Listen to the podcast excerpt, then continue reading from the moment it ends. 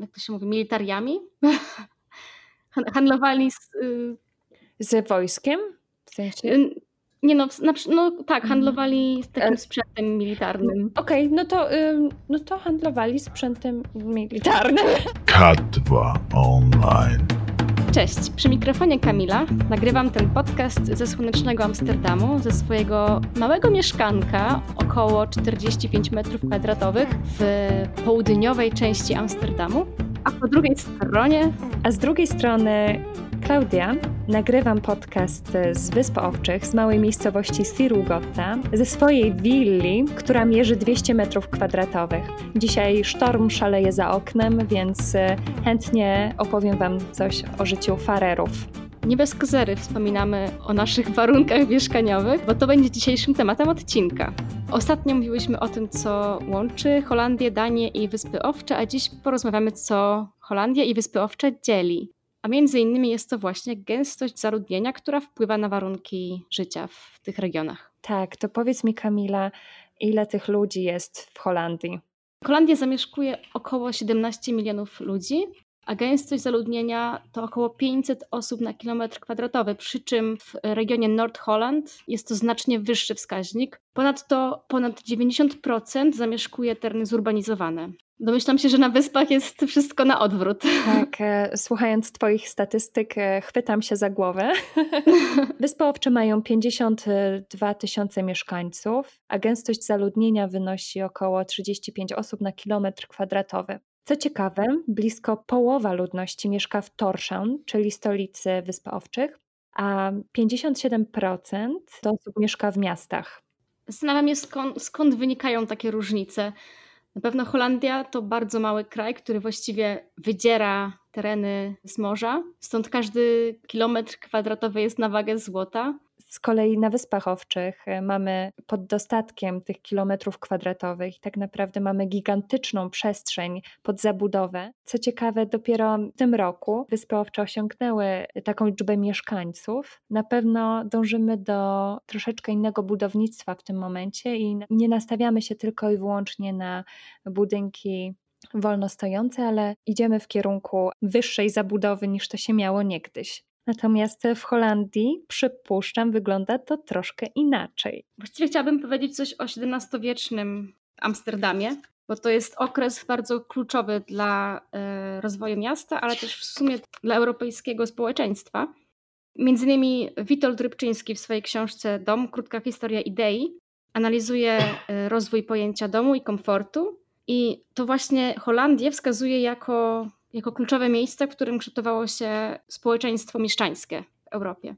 To właśnie ta idea domu jako miejsca, w którym się odpoczywa, jako miejsce, w którym, które właściwie zamieszkuje kobieta z mężczyzną z dziećmi, to powstało w Holandii, zgodnie z jego teorią.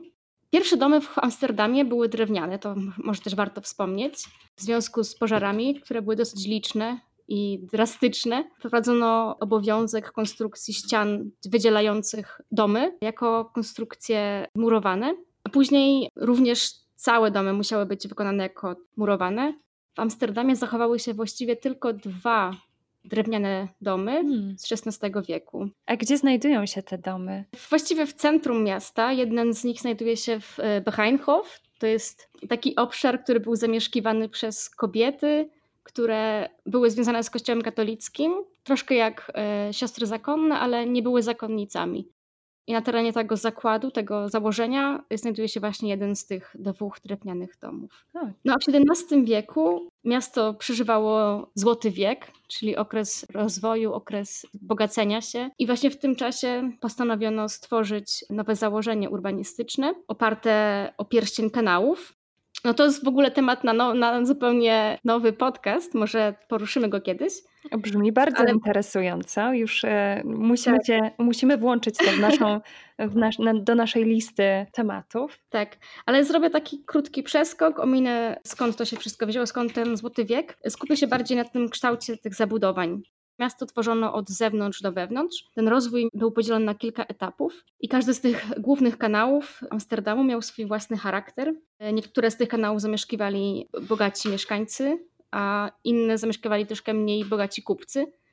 a z kolei na przykład dzielnicę Jordan zamieszkiwała głównie biedota, rzemieślnicy, później również społeczeństwo żydowskie. Tam domy były niższe i taniej zbudowane, warunki były bardziej prymitywne. Co jeszcze było takie charakterystyczne, to rozmiar tych domów. Y, działki były dosyć wąskie i długie. Jako bardzo praktyczny naród Holendrzy wprowadzili prawo, które kwotę podatku zależną od y, szerokości kamienicy. Mhm. I takie działki miały zwykle 7, y, około 7 metrów szerokości. To, tam się mieściły trzy okna. No ale wiadomo, że tacy co, co bogatsi byli w stanie zakupić dwie takie działki i wtedy tworzyli szersze kamienice. Jednym z takich szerszych domów jest Trippenhaus. To jest dom dwóch braci Trippen. Jeśli teraz się przejdzie taką ulicą centrum Amsterdamu, wzdłuż tych kanałów, to co zwraca uwagę, to duże okna. Wydaje mi się, że ich źródło to właśnie charakter, jaki miał parter w takich budynkach. Często właśnie ci kupcy w parterze mieli swój sklep, więc też witrynę sklepową, ona była zwykle drewniana i ona jakby też przełamywała tą barierę strefy publicznej i prywatnej. Z kolei na ostatnim piętrze znajdował się spichlerz, y, gdzie gromadzono produkty do sprzedaży. Tam było dosyć bezpiecznie, bo nie było ryzyka zalania. Jak to w Amsterdamie mieszkańcy byli bardzo blisko wody i należało chronić produkty przed, takimi, przed takim prawdopodobieństwem. No a w związku z tym, że działki były wąskie i długie, to próbowano oszczędzać miejsce na klatkę schodową, więc one są bardzo wąskie i strome. No, w związku z tym ciężko było po nich wnosić te produkty na samą górę. Stąd właśnie pojawienie się tych haków, bardzo charakterystycznych dla Amsterdamu, na szczytach budynków. One tworzą ten taki typowo amsterdamski klimat tych rzędów, rzędów haków. One też są bardzo ciekawe swoją drogą, bo zdradzają okres, w jakim powstała kamienica każdy okres, wiadomo, miał swój, swoje cechy i stąd właśnie można po tych hakach poznać po materiale, po, po detalu, po ornamencie, z jakiego okresu, okresu pochodzi kamienica. No wiadomo, oczywiście można też poznać po, po materiałach wykończenia fasady, po y, charakterze szczytu. Jest wiele takich cech, ale to jest jedna z cech, która zdradza wiek budynku. Co jeszcze jest charakterystyczne, no to ten kontrast białych framug okiennych z takim licznym detalem, z głębokością, mhm. ciemnym kolorem cegły. Ona często była też malowana.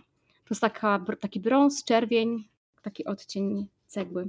Mm, e, tak, mm, wydaje mi się, że to są e, cechy charakterystyczne dla e, amsterdamskich budynków.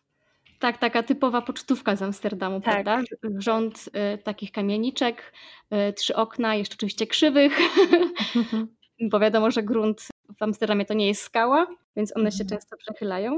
A jeszcze z tym przechylaniem się, to jak zauważymy, że one się przechylają do przodu, to to było akurat założenie celowe. Mhm. Po tym haku wciągano meble, ale też produkty.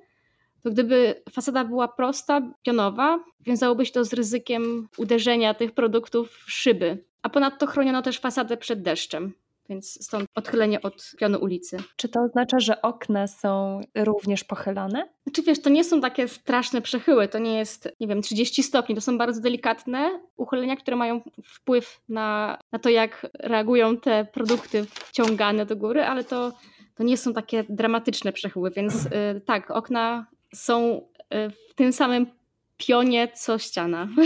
Mhm.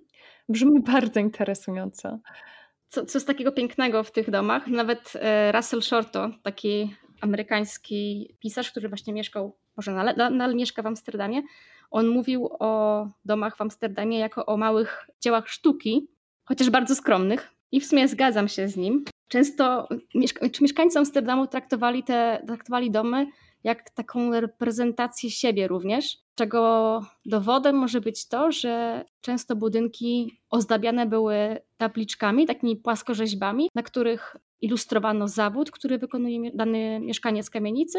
Właściwie to były domy, to nie były kamienice. E, mieszkaniec e, domostwa, albo na przykład jakimi zasadami kieruje się ta osoba w swoim życiu, czyli na przykład czy jest religijna. E, do domu się wchodziło po schodkach, Zwykle poniżej poziomu ulicy był taki mały warsztat. No a właśnie po schodkach na górze była strefa y, dzienna, strefa, w, którym, w której przyjmowano, przyjmowano gości. No i tam już trzeba było z, z, zdjąć buty.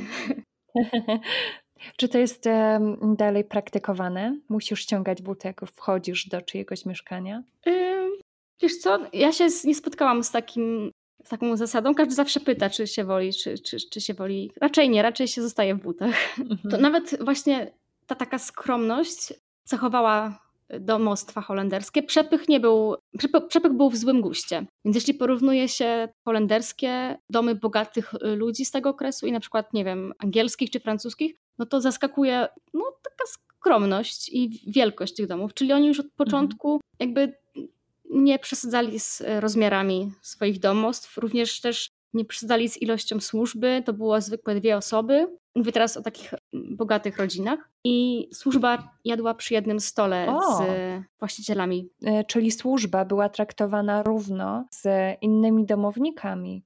Albo, albo inaczej można powiedzieć, że służba była w pewnym sensie rodziną. Tak mi się wydaje, że to, że to była bardziej partnerska relacja niż w innych miejscach. Co jeszcze ciekawe, to wyczytałam u wielu autorów, oni porównują holenderskie domy nad kanałami do statków. Hmm. Wiadomo, że Holendrzy to naród bardzo związany z morzem i takimi cechami, które łączą holenderskie, amsterdamskie w sumie, amsterdamskie domy z, z łodziami, to takie na przykład spiralne schody, albo często w domach zamiast balustrady jest lina. Ja tak sobie właśnie pomyślałam, że zadam Ci pytanie w momencie, kiedy wspomniałaś, że Holendrzy są związani z morzem. Zastanawia mnie, czy istnieje taka możliwość, żeby zaparkować sw swoją łódź w domu.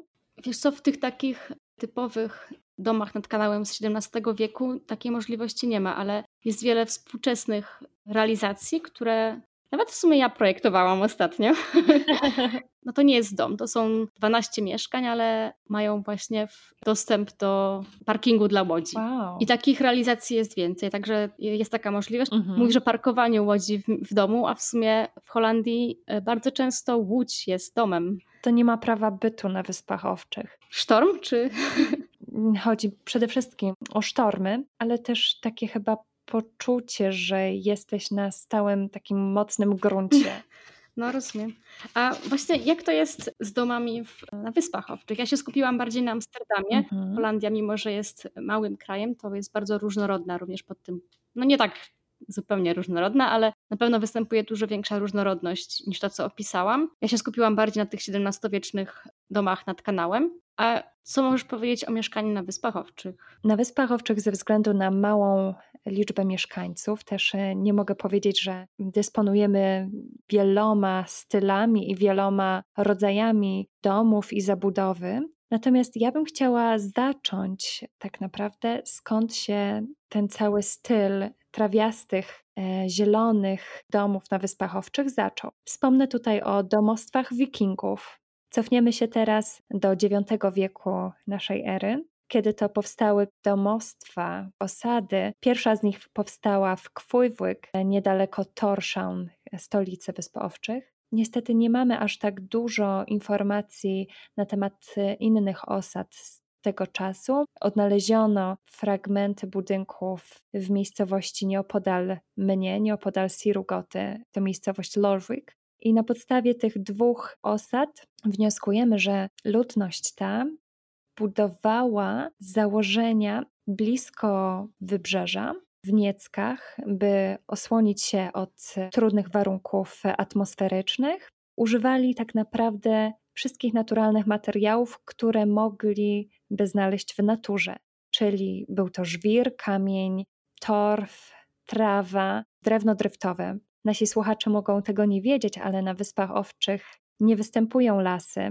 Obecnie mamy parę parków, które są tak naprawdę sztucznie zorganizowane i odgrodzone, ponieważ owce penetrują te obszary i wyniszczają je naprawdę skutecznie. Pierwsi mieszkańcy Wysp Owczych musieli sobie radzić z budownictwem nieco inaczej. Zwykle budowali bardzo długie domy, w których umieszczano palenisko. Z takiego domu unosił się dym przez otwór w dachu. Konstrukcja ścian była bardzo interesująca, ponieważ budowano zwykle dwie warstwy ściany, kamiennej ściany.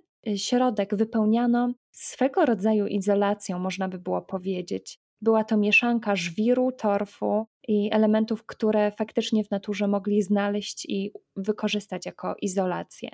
Taki oto sposób ściany podpierały zielony dach, który również był obłożony torfem. Tak naprawdę w ogóle taki budynek nie wyróżniał się na tle krajobrazu, ponieważ wszelkie kolory takiego, takiego obiektu nawiązywały do, do natury.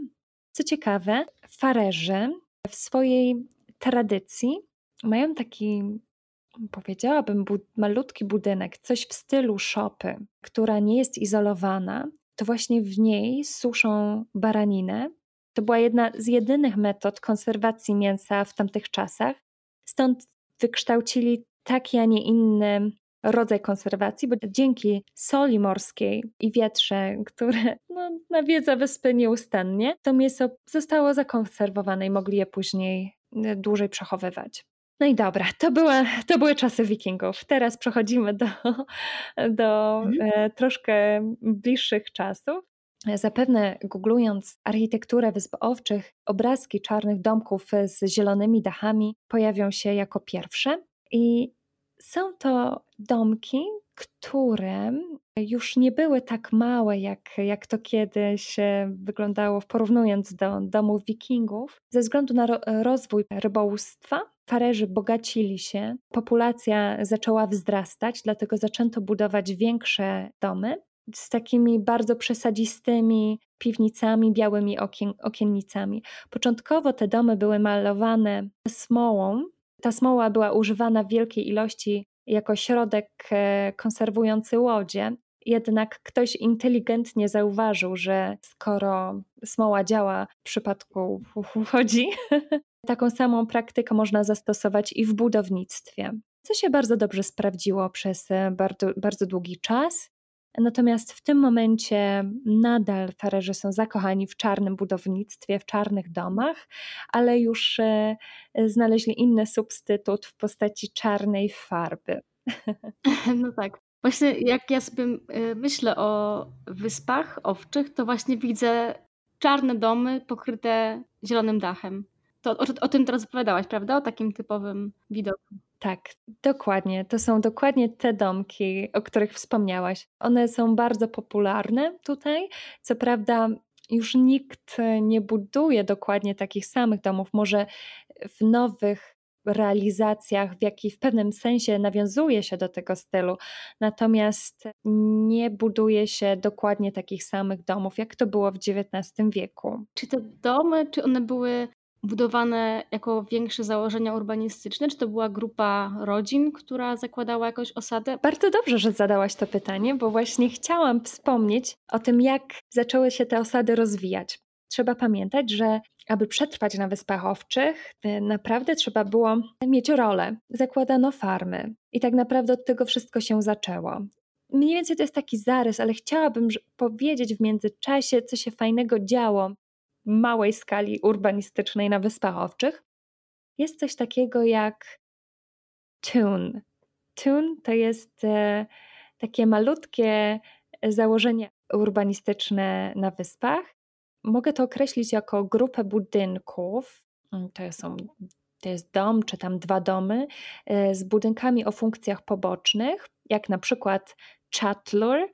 Chatler jest to, jak już wcześniej wspomniałam, ta taka szopa do suszenia mięsa. Są zwykle prostopadle ułożone do siebie i tworzą malutkich rozmiarów dziedziniec. Jest z każdej strony chroniony przed złymi warunkami atmosferycznymi. Światło słoneczne bardzo łatwo wpada do środka dziedzińca, tworząc przyjemny mikroklimat. Wspomniałaś, Kamila, o domkach XVII-wiecznych przy kanałach. Czy jeszcze jest coś takiego intrygującego z Amsterdamu, o czym chciałabyś wspomnieć? Czy Holendrzy są bardzo kreatywni, jeśli chodzi o e, różne założenia urbanistyczne i o, o, to, jak można żyć, w jakich można układach urbanistycznych żyć? Jednym z takich założeń, które wydaje mi się jest ciekawe jako nawiązanie do tych typowych domów nad kanałami XVII-wiecznych, jest no już nie takie nowe, ale z, e, z lat 90.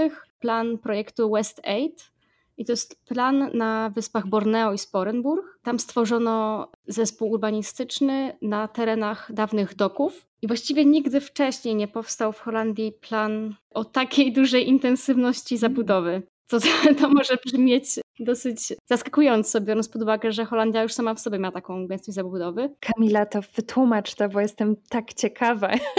To, to wprowadzenie do tego, do tego przykładu jest bardzo intrygujące. Ten projekt, on, on zdobył wiele nagród, bo mimo tej wielkiej gęstości zabudowy, Większość mieszkań ma wejście od parteru, a gęstość to 100 jednostek mieszkalnych na hektar. U. I plan powstał, właściwie takie było założenie, że centrum miasta również może powstać osiedle, w którym można e, zatrzymać rodziny z dziećmi. Bo to jest jeden z największych problemów europejskich dużych miast, że właściwie młodzi ludzie, kiedy zakładają rodzinę, wyprowadzają się z miasta. I to też się dzieje w Amsterdamie, i w związku z tym właśnie miasto postanowiło spróbować te rodziny zatrzymać. I przy okazji tworząc taką dzielnicę o takiej dużej intensywności zabudowy. Więc to był dosyć ambitny plan.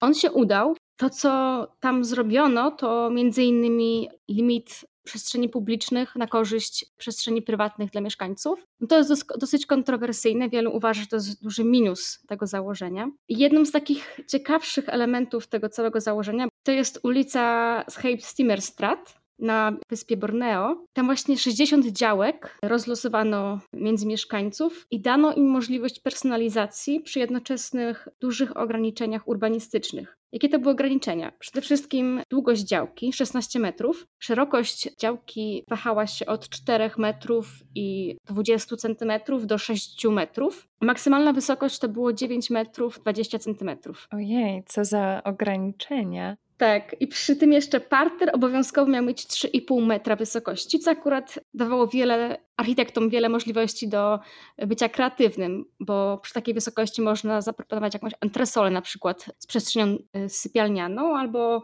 powiększyć przestrzeń do przechowywania rzeczy. Przy czym taki wysoki parter dostarczał dużą ilość światła dziennego. Od strony ulicy większość z tych stworzonych budynków jest dosyć zamknięta, a otwierają się na drugą stronę, która jeszcze nie powiedziałam tego, ale budynki te graniczą z kanałem, z wodą. Mm. I tu jest właśnie ta relacja, relacja z budynkami przy kanałach. Na tej stronie właśnie bardziej wyeksponowanej na światło wstało kilka takich ogrodów, mini ogrodów jest też wiele zaparkowanych łodzi. I nad tymi szeregów, szeregówkami pracowało wielu już dzisiaj słynnych architektów. Wtedy to były, były dosyć znane biura, ale też startujące mniejsze biura. No i tam e, kreatywność miała duże pole do popisu każdego z architektów.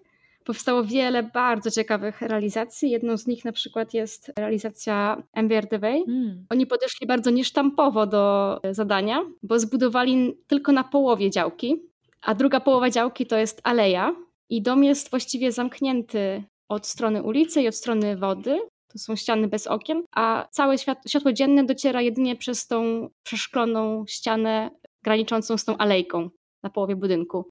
I według architektów to zapewnia prywatność mieszkańcom i dostarcza więcej światła dziennego. No ja nie jestem do końca przekonana, ale nie można im zabrać tego, że to było bardzo oryginalne. A są jakieś jeszcze pracownie, które możemy rozpoznać, e, które faktycznie mają tam realizację? E, no, mnóstwo takich pracowni. E, jest na przykład hiszpański architekt Mateo. On też stworzył bardzo oryginalny budynek przy tej ulicy. Jest też dosyć znany holenderski architekt Koen van Velsen, który właściwie stworzył od strony ulicy pewnego rodzaju zasłonę. Hmm. Znaczy zasłonę, ścianę taką, która kreuje zasłonę, tworzy większą prywatność dla mieszkańców, których właściwa fasada jest przesunięta w głąb działki. Mhm jak się tam człowiek wybierze, to to jest festiwal oryginalności architektów. Czyli przy takim ograniczeniu, jakie się ma, można naprawdę się wykazać mimo wszystko oryginalnością. No i ten eksperyment, on został uznany za, za sukces, mimo tych minusów, czyli na przykład wyludnione ulice, bo jednak ta minimalizacja przestrzeni publicznej ma wpływ na charakter tych ulic. Mm. No ale mimo to kontynuowano eksperyment na innych wyspach w Amsterdamie, na wyspie Steicher i Eiburg. Ja miałam duże szczęście prowadzać po jednym z domów podczas festiwalu architektury kilka lat temu i oprowadzałam po domu pary artystów, którzy stworzyli swój dom właściwie bez, bez projektu, codziennie jakby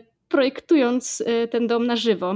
To jest niesamowit, niesamowita przestrzeń, naprawdę robi ogromne wrażenie. I to też udowadnia, że mimo tych ograniczeń, które zostały dane mieszkańcom, można stworzyć bardzo oryginalną i zindywidualizowaną przestrzeń. No a właśnie zastanawiam się, jak to jest na wyspach, bo mówiłyśmy o domach jednorodzinnych i o tych założeniach urbanistycznych, ale jednak stworzonych z domów jednorodzinnych.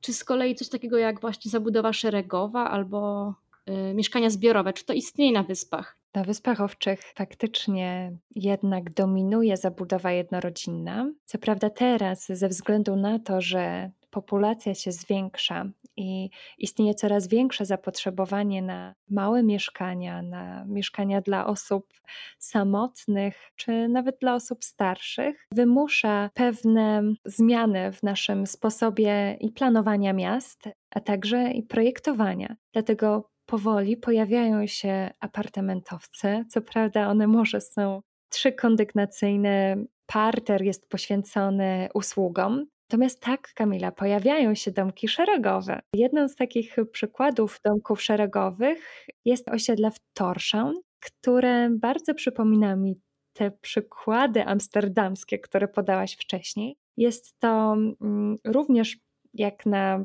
Wyspy Owcze eksperymentalne osiedle, ponieważ miało bardzo podobne założenia do holenderskich. Miasto Torshavn podzieliło ten obszar na działki. Każdą działkę oddzielono ścianą ogniową i na wyznaczonym prostokącie można było sobie troszkę poszaleć. Każdy budował dom w jaki sposób chciał. Co prawda miał tam jakieś obłostrzenia co do wysokości, kątu nachylenia dachu, ilości przeszkleń, natomiast względy estetyczne były kompletnie pominięte i każdy mógł zaszaleć. Dlatego jest to chyba jedna z bardziej kolorowych e, dzielnic Torshavn i może pod względem architektonicznym nie najpiękniejsza, ale na pewno bardzo przytulna. Czy dobrze zrozumiałam, że ona powstała przy ścisłej współpracy mieszkańców z architektem? Współpraca mieszkańców z architektem to troszeczkę za dużo powiedziane. Mm, ta współpraca, jeżeli nawet była mieszkańców i architekta, opierała się bardziej na konstrukcji, zaplanowaniu wnętrza, natomiast mieszkańcy sami decydowali, e, jaki kolor elewacji czy jaki rodzaj materiału chcą zastosować. Mhm. Mm, bardziej bym powiedziała tutaj o współpracy mieszkańców i miasta, architekta urbanisty, który wydzielał te działki i jakby organizował tę przestrzeń. Jest to faktycznie jedno z takich bardziej kontrowersyjnych osiedli na Wyspach Owczych. Czyli taka jednak indywidualizacja nie ma zbytnio miejsca w, e, na Wyspach Owczych. Z tego, co opowiadasz, wydaje mi się, że ta tkanka urbanistyczna jest bardzo zuniformizowana, jeśli takie słowo mogę użyć. Pomimo tego, że dawne osady bardziej rozwijały się organicznie, od pewnego czasu, kiedy planiści zaczęli się zajmować projektowaniem miast, czasem nie do końca bym powiedziała inteligentnie, jak to pewnie wszędzie ma miejsce. Spowodowało to pewne problemy. Podam tutaj przykład miasta Klakswick, które, jeżeli popatrzycie, nasi drodzy słuchacze, na Google Maps, wtedy dokładnie zauważycie, że ulice Klakswick są do siebie równoległe, przez co wiatr ma spotęgowaną prędkość. Czy bardziej mi chodziło o to, myślę, jak ja mówiłam o tym Borneo, że były tam te zasady, ale była też indywidualizacja, czyli można było swoją osobowość czy swój styl życia przetłumaczyć na architekturę. A czy to można też zrobić na wyspach? Czy to jednak jest bardzo wszystko zuniformizowane? Powiedziałabym tak, że faktycznie są jakieś zasady budownictwa, natomiast wydaje mi się, że farerzy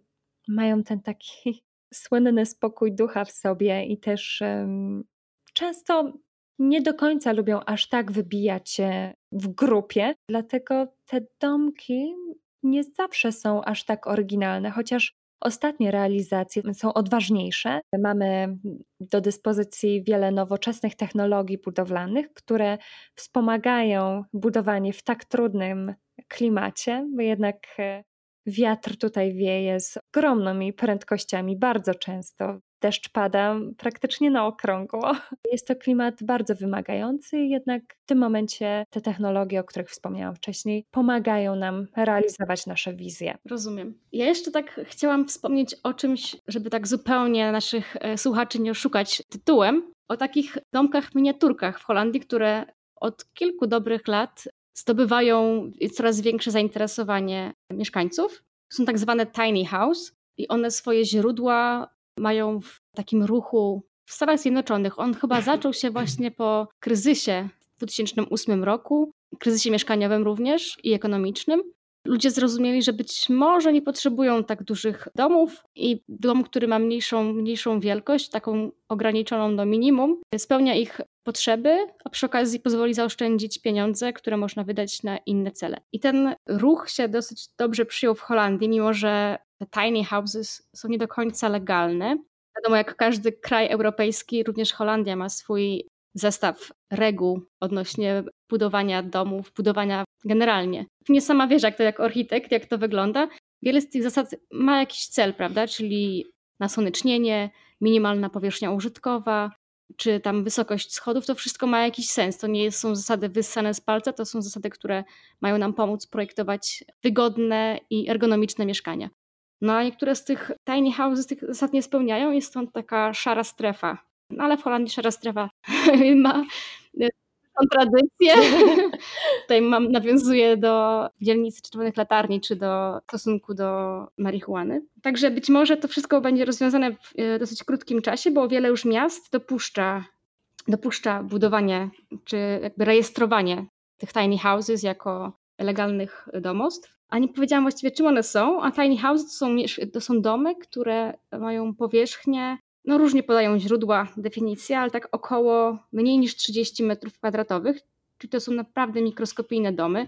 Niektóre z nich są jeszcze w dodatku na kółkach, znaczy może niekoniecznie na kółkach, ale mają możliwość transportowania, czyli ich wymiary pozwalają na transport drogami publicznymi. Ja się spotkałam pierwszy raz z tymi domami podczas festiwalu Fab City. To było chyba w 2016 roku, jeśli dobrze pamiętam. I na tym festiwalu zajmowałam się prowadzaniem gości i festiwal na swoim terenie miał kilka z tych tiny houses, do których można było wejść i jakby doświadczyć e, mieszkania w takim, takim domu. No i mnie to trochę zszokowało, mówiąc szczerze, bo nie spodziewałam się, że to jest coś takiego e, realnego, że rzeczywiście ludzie tak mieszkają.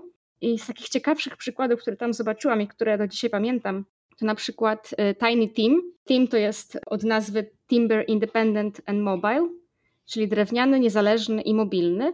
I to jest samowystarczający dom o powierzchni, z tego co pamiętam, 13 metrów kwadratowych. No a jest samowystarczalny, bo ma panele słoneczne, yy, również wiatrak i przydomową uczczalnię wody. Wow, brzmi fantastycznie. Tak, chociaż on akurat był jednym z takich bardziej do-it-yourself projektów, mm. powiem, bo stworzyła ten dom, z tego co pamiętam, rodzina. Oni nie byli architektami, ale byli bardzo kreatywni, jeśli chodzi właśnie o tą samowystarczalność tego domu. Z takich bardziej komercyjnych projektów to pamiętam Vehicle House. To jest z kolei dom, który można łączyć moduły, czyli właściwie można też stworzyć trochę większy dom niż taki typowy tiny house. A co jest ciekawego w tym Vehicle House, to to, że on jest stworzony z tektury falistej i on jakby tylko swoją szczytową ścianę i tylnią ma przeszkloną. To też jest bardzo ważny element tych tiny houses, że one pomimo swojego e, mikroskopijnego rozmiaru starają się dostarczyć jak największą ilość światła dziennego.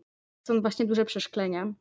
No jeszcze mogę wspomnieć o Sustainer Home Modular czy Finch Building albo Heyman's One. To są z kolei już takie bardziej komercyjne budynki. Ten Heyman's One to w ogóle jest już mniej ortodoksyjny, bo ma 38 metrów kwadratowych, yy, także to już jest luksus. Ten obszar brzmi bardzo luksusowo, zwłaszcza z perspektywy studenta. Właśnie one są nakierowane na studentów, te Heymans One. Nie wiem, czy one rzeczywiście powstały już tak w praktyce, ale kilka, kilka miast już yy, zaczęło dopuszczać tworzenie takich osiedli tiny houses. Mam nadzieję, że to się przyrodzi w jakiś taki większy eksperyment, bo jestem bardzo ciekawa, czy na przykład po, po roku mieszkania w takim domu nie ma się, nie ma się dość, że tak powiem. Bo to głównie w takich domach mieszkają młode pary. Nie wiem jak ty, ale ja, ja jednak potrzebuję czasem swojej przestrzeni, żeby się wyspać. Na 20 metrach ciężko, jak ktoś już wiesz, nie śpi, a druga osoba y, jeszcze dosypia. Przypuszczam, że to zależy od pary. Jeżeli ktoś pracuje na nocki, no to akurat w porządku, to masz przestrzeń. Ale dużo osób, które się na ten dom decyduje, dlaczego to robią właściwie? No przede wszystkim, żeby ograniczyć koszty mieszkania, bo większość z tych tiny houses jako swoją zasadę ma, że starają się ograniczyć zużycie energii.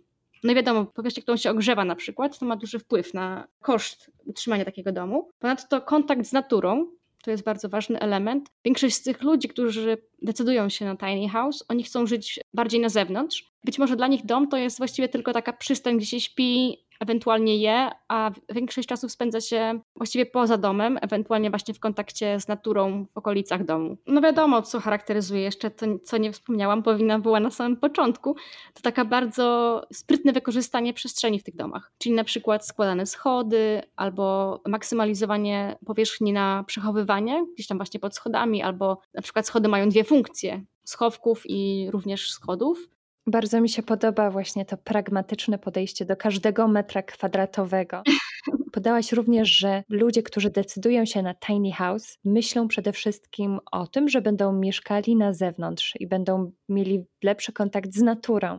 W tym momencie myślę o współczesnych willach wyspowczych, które, uwaga, mają minimum 200 metrów kwadratowych gdzie życie skoncentrowane jest przede wszystkim do wewnątrz. Nie myśli się o życiu na zewnątrz ze względu na niesprzyjające warunki atmosferyczne. Bardzo interesuje mnie ten kontrast pomiędzy tiny houses i współczesną willą, zwłaszcza w aspekcie ekologii.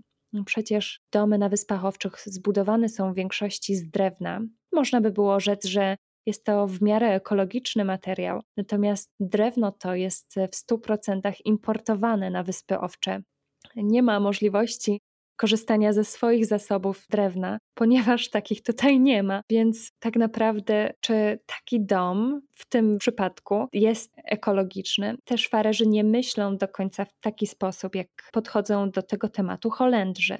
Może to jest kwestia czasu też, wydaje mi się, że być może tam na północ też dojdzie powoli ta fala takiej świadomości naszego wpływu na środowisko. Wydaje mi się, że jak najbardziej to jest takie namacalne w Danii, w Norwegii, w Szwecji. Natomiast tutaj życie zawsze było trudniejsze mhm. ze względu na ten wyspiarski charakter, też może ze względu na ubogą geotermię. Nie wygląda to tak samo jak na Islandii, to już tak rozczaruje Was e, w tym momencie. Wydaje mi się, że też ze względu na taki rodzinny charakter i wielodzietne rodziny, te domy musiały być takie duże. Co ciekawe, całe życie wyspiarzy kręci się wokół domu, a dokładnie wokół kuchni, salonu, jadalni. To są takie miejsca, które są gigantyczne taka przestrzeń sięga, powiedziałabym, zajmuje 80 metrów kwadratowych, może 90 metrów kwadratowych w przeciętnym farerskim domu. Sama kuchnia z pomieszczeniem dziennym. Z salonem i z jadalnią, tak. Zajmuje, powiedzmy, może jeszcze z, z zależności, jak aranżujemy przestrzeń, ale dołączmy do tego jakiś hol przejściowy, jeżeli te pomieszczenia są odseparowane od siebie. Mm, to jest zupełnie inny rodzaj życia. Tak. Posiadają wielodzietne rodziny. Nawet ostatnio patrzyłam na statystyki i przeciętna farerska rodzina ma od trzech do pięciu dzieci. U. Więc jeżeli sobie wyobrazimy typowe farerskie urodziny i ten cały tłum odwiedzający solenizanta, to faktycznie 80 metrów kwadratowych wypełnione jest bardzo szybko. takim tiny house chyba ciężko mieć gości. Wiesz, możesz grilla zrobić na zewnątrz, prawda? Tak, to właśnie czytałam wywiad z taką jedną parą, która zamieszkuje taki dom i oni właśnie mówili, że to jest jedyny minus, który zauważyli. Właśnie to, że nie mogą przyjmować gości, a jeśli przyjmują, to bardzo małą grupę. Nie mogą przyjmować gości wewnątrz mieszkania, jedynie na zewnątrz właśnie jakieś aktywności, jak wspomniałaś, grill czy, czy wspólna gra w piłkę. No ale to ma może swoje plusy. Mm, pewnie, przynajmniej zawsze możesz zwalić e, na, na pogodę. Tak. Ale oni też powiedzieli, że nie ma złej pogody, jest tylko złe odzienie. A to jest bardzo, bardzo mądre. Bardzo holenderskie też. Sobie wyobraziłam taką sytuację na Wyspach Owczych, ponieważ jak to wygląda? Jeżeli nawet w lecie ktoś chce odpalić grilla, Zwykle jest to grill gazowy, bo nikomu się nie chce bawić w rozpalanie węgla. Zwykle to są bardzo duże grille, no bo lubią sobie też na przykład przygotować taką nogę owcy, pogoda jest bardzo zmienna i taka niesprzyjająca, więc ten grill jest sobie sam tam na zewnątrz i się coś tam robi w tym grillu. Raz na jakiś czas kucharz zagląda do środka, natomiast wszyscy siedzą w środku. Rozwinę ten temat willi na Wyspach No Owczych. właśnie, no jak, właśnie. To, jak, jak to wygląda od środka? Domy farerskie są zwykle lokowane na bardzo małych działkach w porównaniu do polskich standardów, bo jednak 500 metrów kwadratowych działki, tak maksymalnie w porywach do 600 metrów kwadratowych, to jest jednak mało, jeżeli rozmawiamy o polskich hektarach, prawda? Tak. Stawiając taki 200-metrowy dom na takiej działce, jednak możemy sobie wyobrazić, że zajmuje jego sporą część. Plus musimy sobie wyobrazić, że jednak każda działka powinna mieć miejsce na przynajmniej dwa samochody, bo każda przeciętna farerska rodzina, no niestety, nie posiada jak w Holandii roweru. Tylko minimum dwa samochody. Co w środku? Tak jak wspomniałam, mamy dwa piętra w farerskim domu, czyli powiedzmy jest minimum 100 metrów kwadratowych na piętro. Piętro niższe, tak zwana farerska piwnica. Tak naprawdę farerska piwnica to w większości jest pusta. Dopiero pierwsze piętro, na którym mamy nasz gigantyczny salon, kuchni, jadalnie, a także zwykle miniaturkowe łazienki i ultra miniaturkowe pokoje. Według mnie farerskie pokoje są naprawdę malutkie, zwłaszcza w starym budownictwie. W sensie pokoje sypialniane, tak? Tak, mam na myśli pokoje sypialniane. Obserwując życie farerów, faktycznie mogę stwierdzić, że oni najwięcej czasu spędzają w salonie i w kuchni. Ich pokoje prywatne służą tylko i wyłącznie do spania jednak ta potrzeba siedzenia we własnym pokoju jest, powiedziałabym, tak zminimalizowana. Chciałabym jednak wspomnieć jeszcze o pomieszczeniu na suszenie mięsa. Za czasów wikingów mięso było suszone w osobnym budynku w Chatlur. Z Chatlur mamy do czynienia również i w czasach współczesnych. Może tak samo być wybudowane jako osobny budynek umieszczony parę metrów od domu na zewnątrz. Oczywiście również nie jest izolowany ze względu na wiatr, który ma swobodnie przepływać, e, prze, przewiewać przez szopę i suszyć to nasze mięsko. Natomiast w domach, które zwykle ja projektuję, w tych nowoczesnych formach, czatlur jest zintegrowany z bryłą domu. Czyli ta tradycja suszenia mięsa jest wciąż żywa. Bardzo. Tak, jeżeli byś się przeszła w drugi dzień świąt farerskimi uliczkami, wyczułabyś ten zapach. Do tej pory mają bardzo dużo owiec, dwa razy więcej niż mieszkańców, może nawet i więcej. Zwykle to mięso jest wykonywane na ich własne potrzeby, nigdy go nie eksportują. Co więcej, oni nawet importują więcej tej baraniny do siebie i to z Nowej Zelandii, żeby było śmieszniej. Wydaje mi się, że poruszyłyśmy dzisiaj tak dużo tematów, które naprawdę obudziły mi w głowie mnóstwo pomysłów na nowe podcasty i myślę, że do wielu tematów wrócimy, ale chyba czas podsumować dzisiejszą rozmowę. Nasz bardzo krótki dzisiejszy podcast przerodził się w naprawdę długą rozmowę, bardzo interesującą. Cieszę się, że mogłam usłyszeć od Ciebie tyle ciekawych informacji z Amsterdamu. Ja również jestem zafascynowana tymi informacjami, które przekazałaś. Szczególnie interesuje mnie na przykład ten współczesny trend jak mówisz właśnie o tym, o integracji pomieszczeń do suszenia mięsa z bryłą budynku, to jest taki typowo współczesny zabieg. Podobnie robi się na przykład z garażami we współczesnych realizacjach. Fajnie to porównałaś. A co do podsumowania, wydaje mi się, że poszliśmy w takim kierunku rozróżnienia między miastem a takim życiem bardziej w naturze, w krajobrazie, takim bardziej wiejskim. I tu mi się z kolei przypomniał y, fragment z książki, którą czytałam niedawno. To jest książka jednego z holenderskich architektów, Will Arets. To nie jest najnowsza książka, to jest chyba z 2010 roku, ale on tam właśnie w jednym z fragmentów mówił o tym, że miasto powinno mieć bardzo zdefiniowaną granicę i powinno dążyć się do zagęszczenia zabudowy.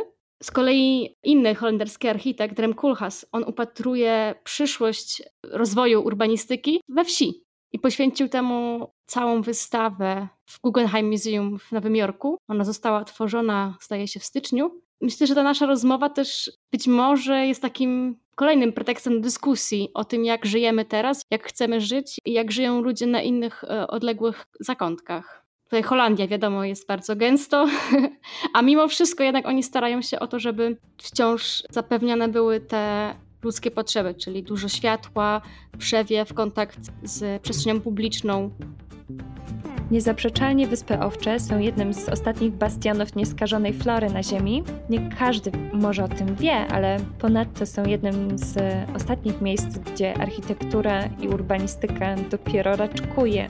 Kiedy w innych państwach europejskich jak na przykład Holandia, doświadczamy walki o każdy metr kwadratowy nowych struktur, czy burzenie starych e, jest całkiem normalną procedurą, to tutaj mamy do dyspozycji wielkie przestrzenie, które nigdy wcześniej w dziejach historii nie były zabudowane. Architektach i urbanistach ciąży więc swego rodzaju wielka odpowiedzialność, gdyż każda postawiona kreska pozostawi swój trwały ślad na wieki. Pięknie, pięknie. Tym optymistycznym akcentem kończymy nasz dzisiejszy podcast. Zapraszamy Was na kolejne nagranie, a w międzyczasie zapraszamy Was na śledzenie naszego Instagrama, a także followowania nas na Facebooku, gdzie będziemy umieszczać kolejne inspiracje z Amsterdamu i z Sirugoty na Wyspach Owczych. Zapraszamy. Do usłyszenia, Kamila. Do usłyszenia.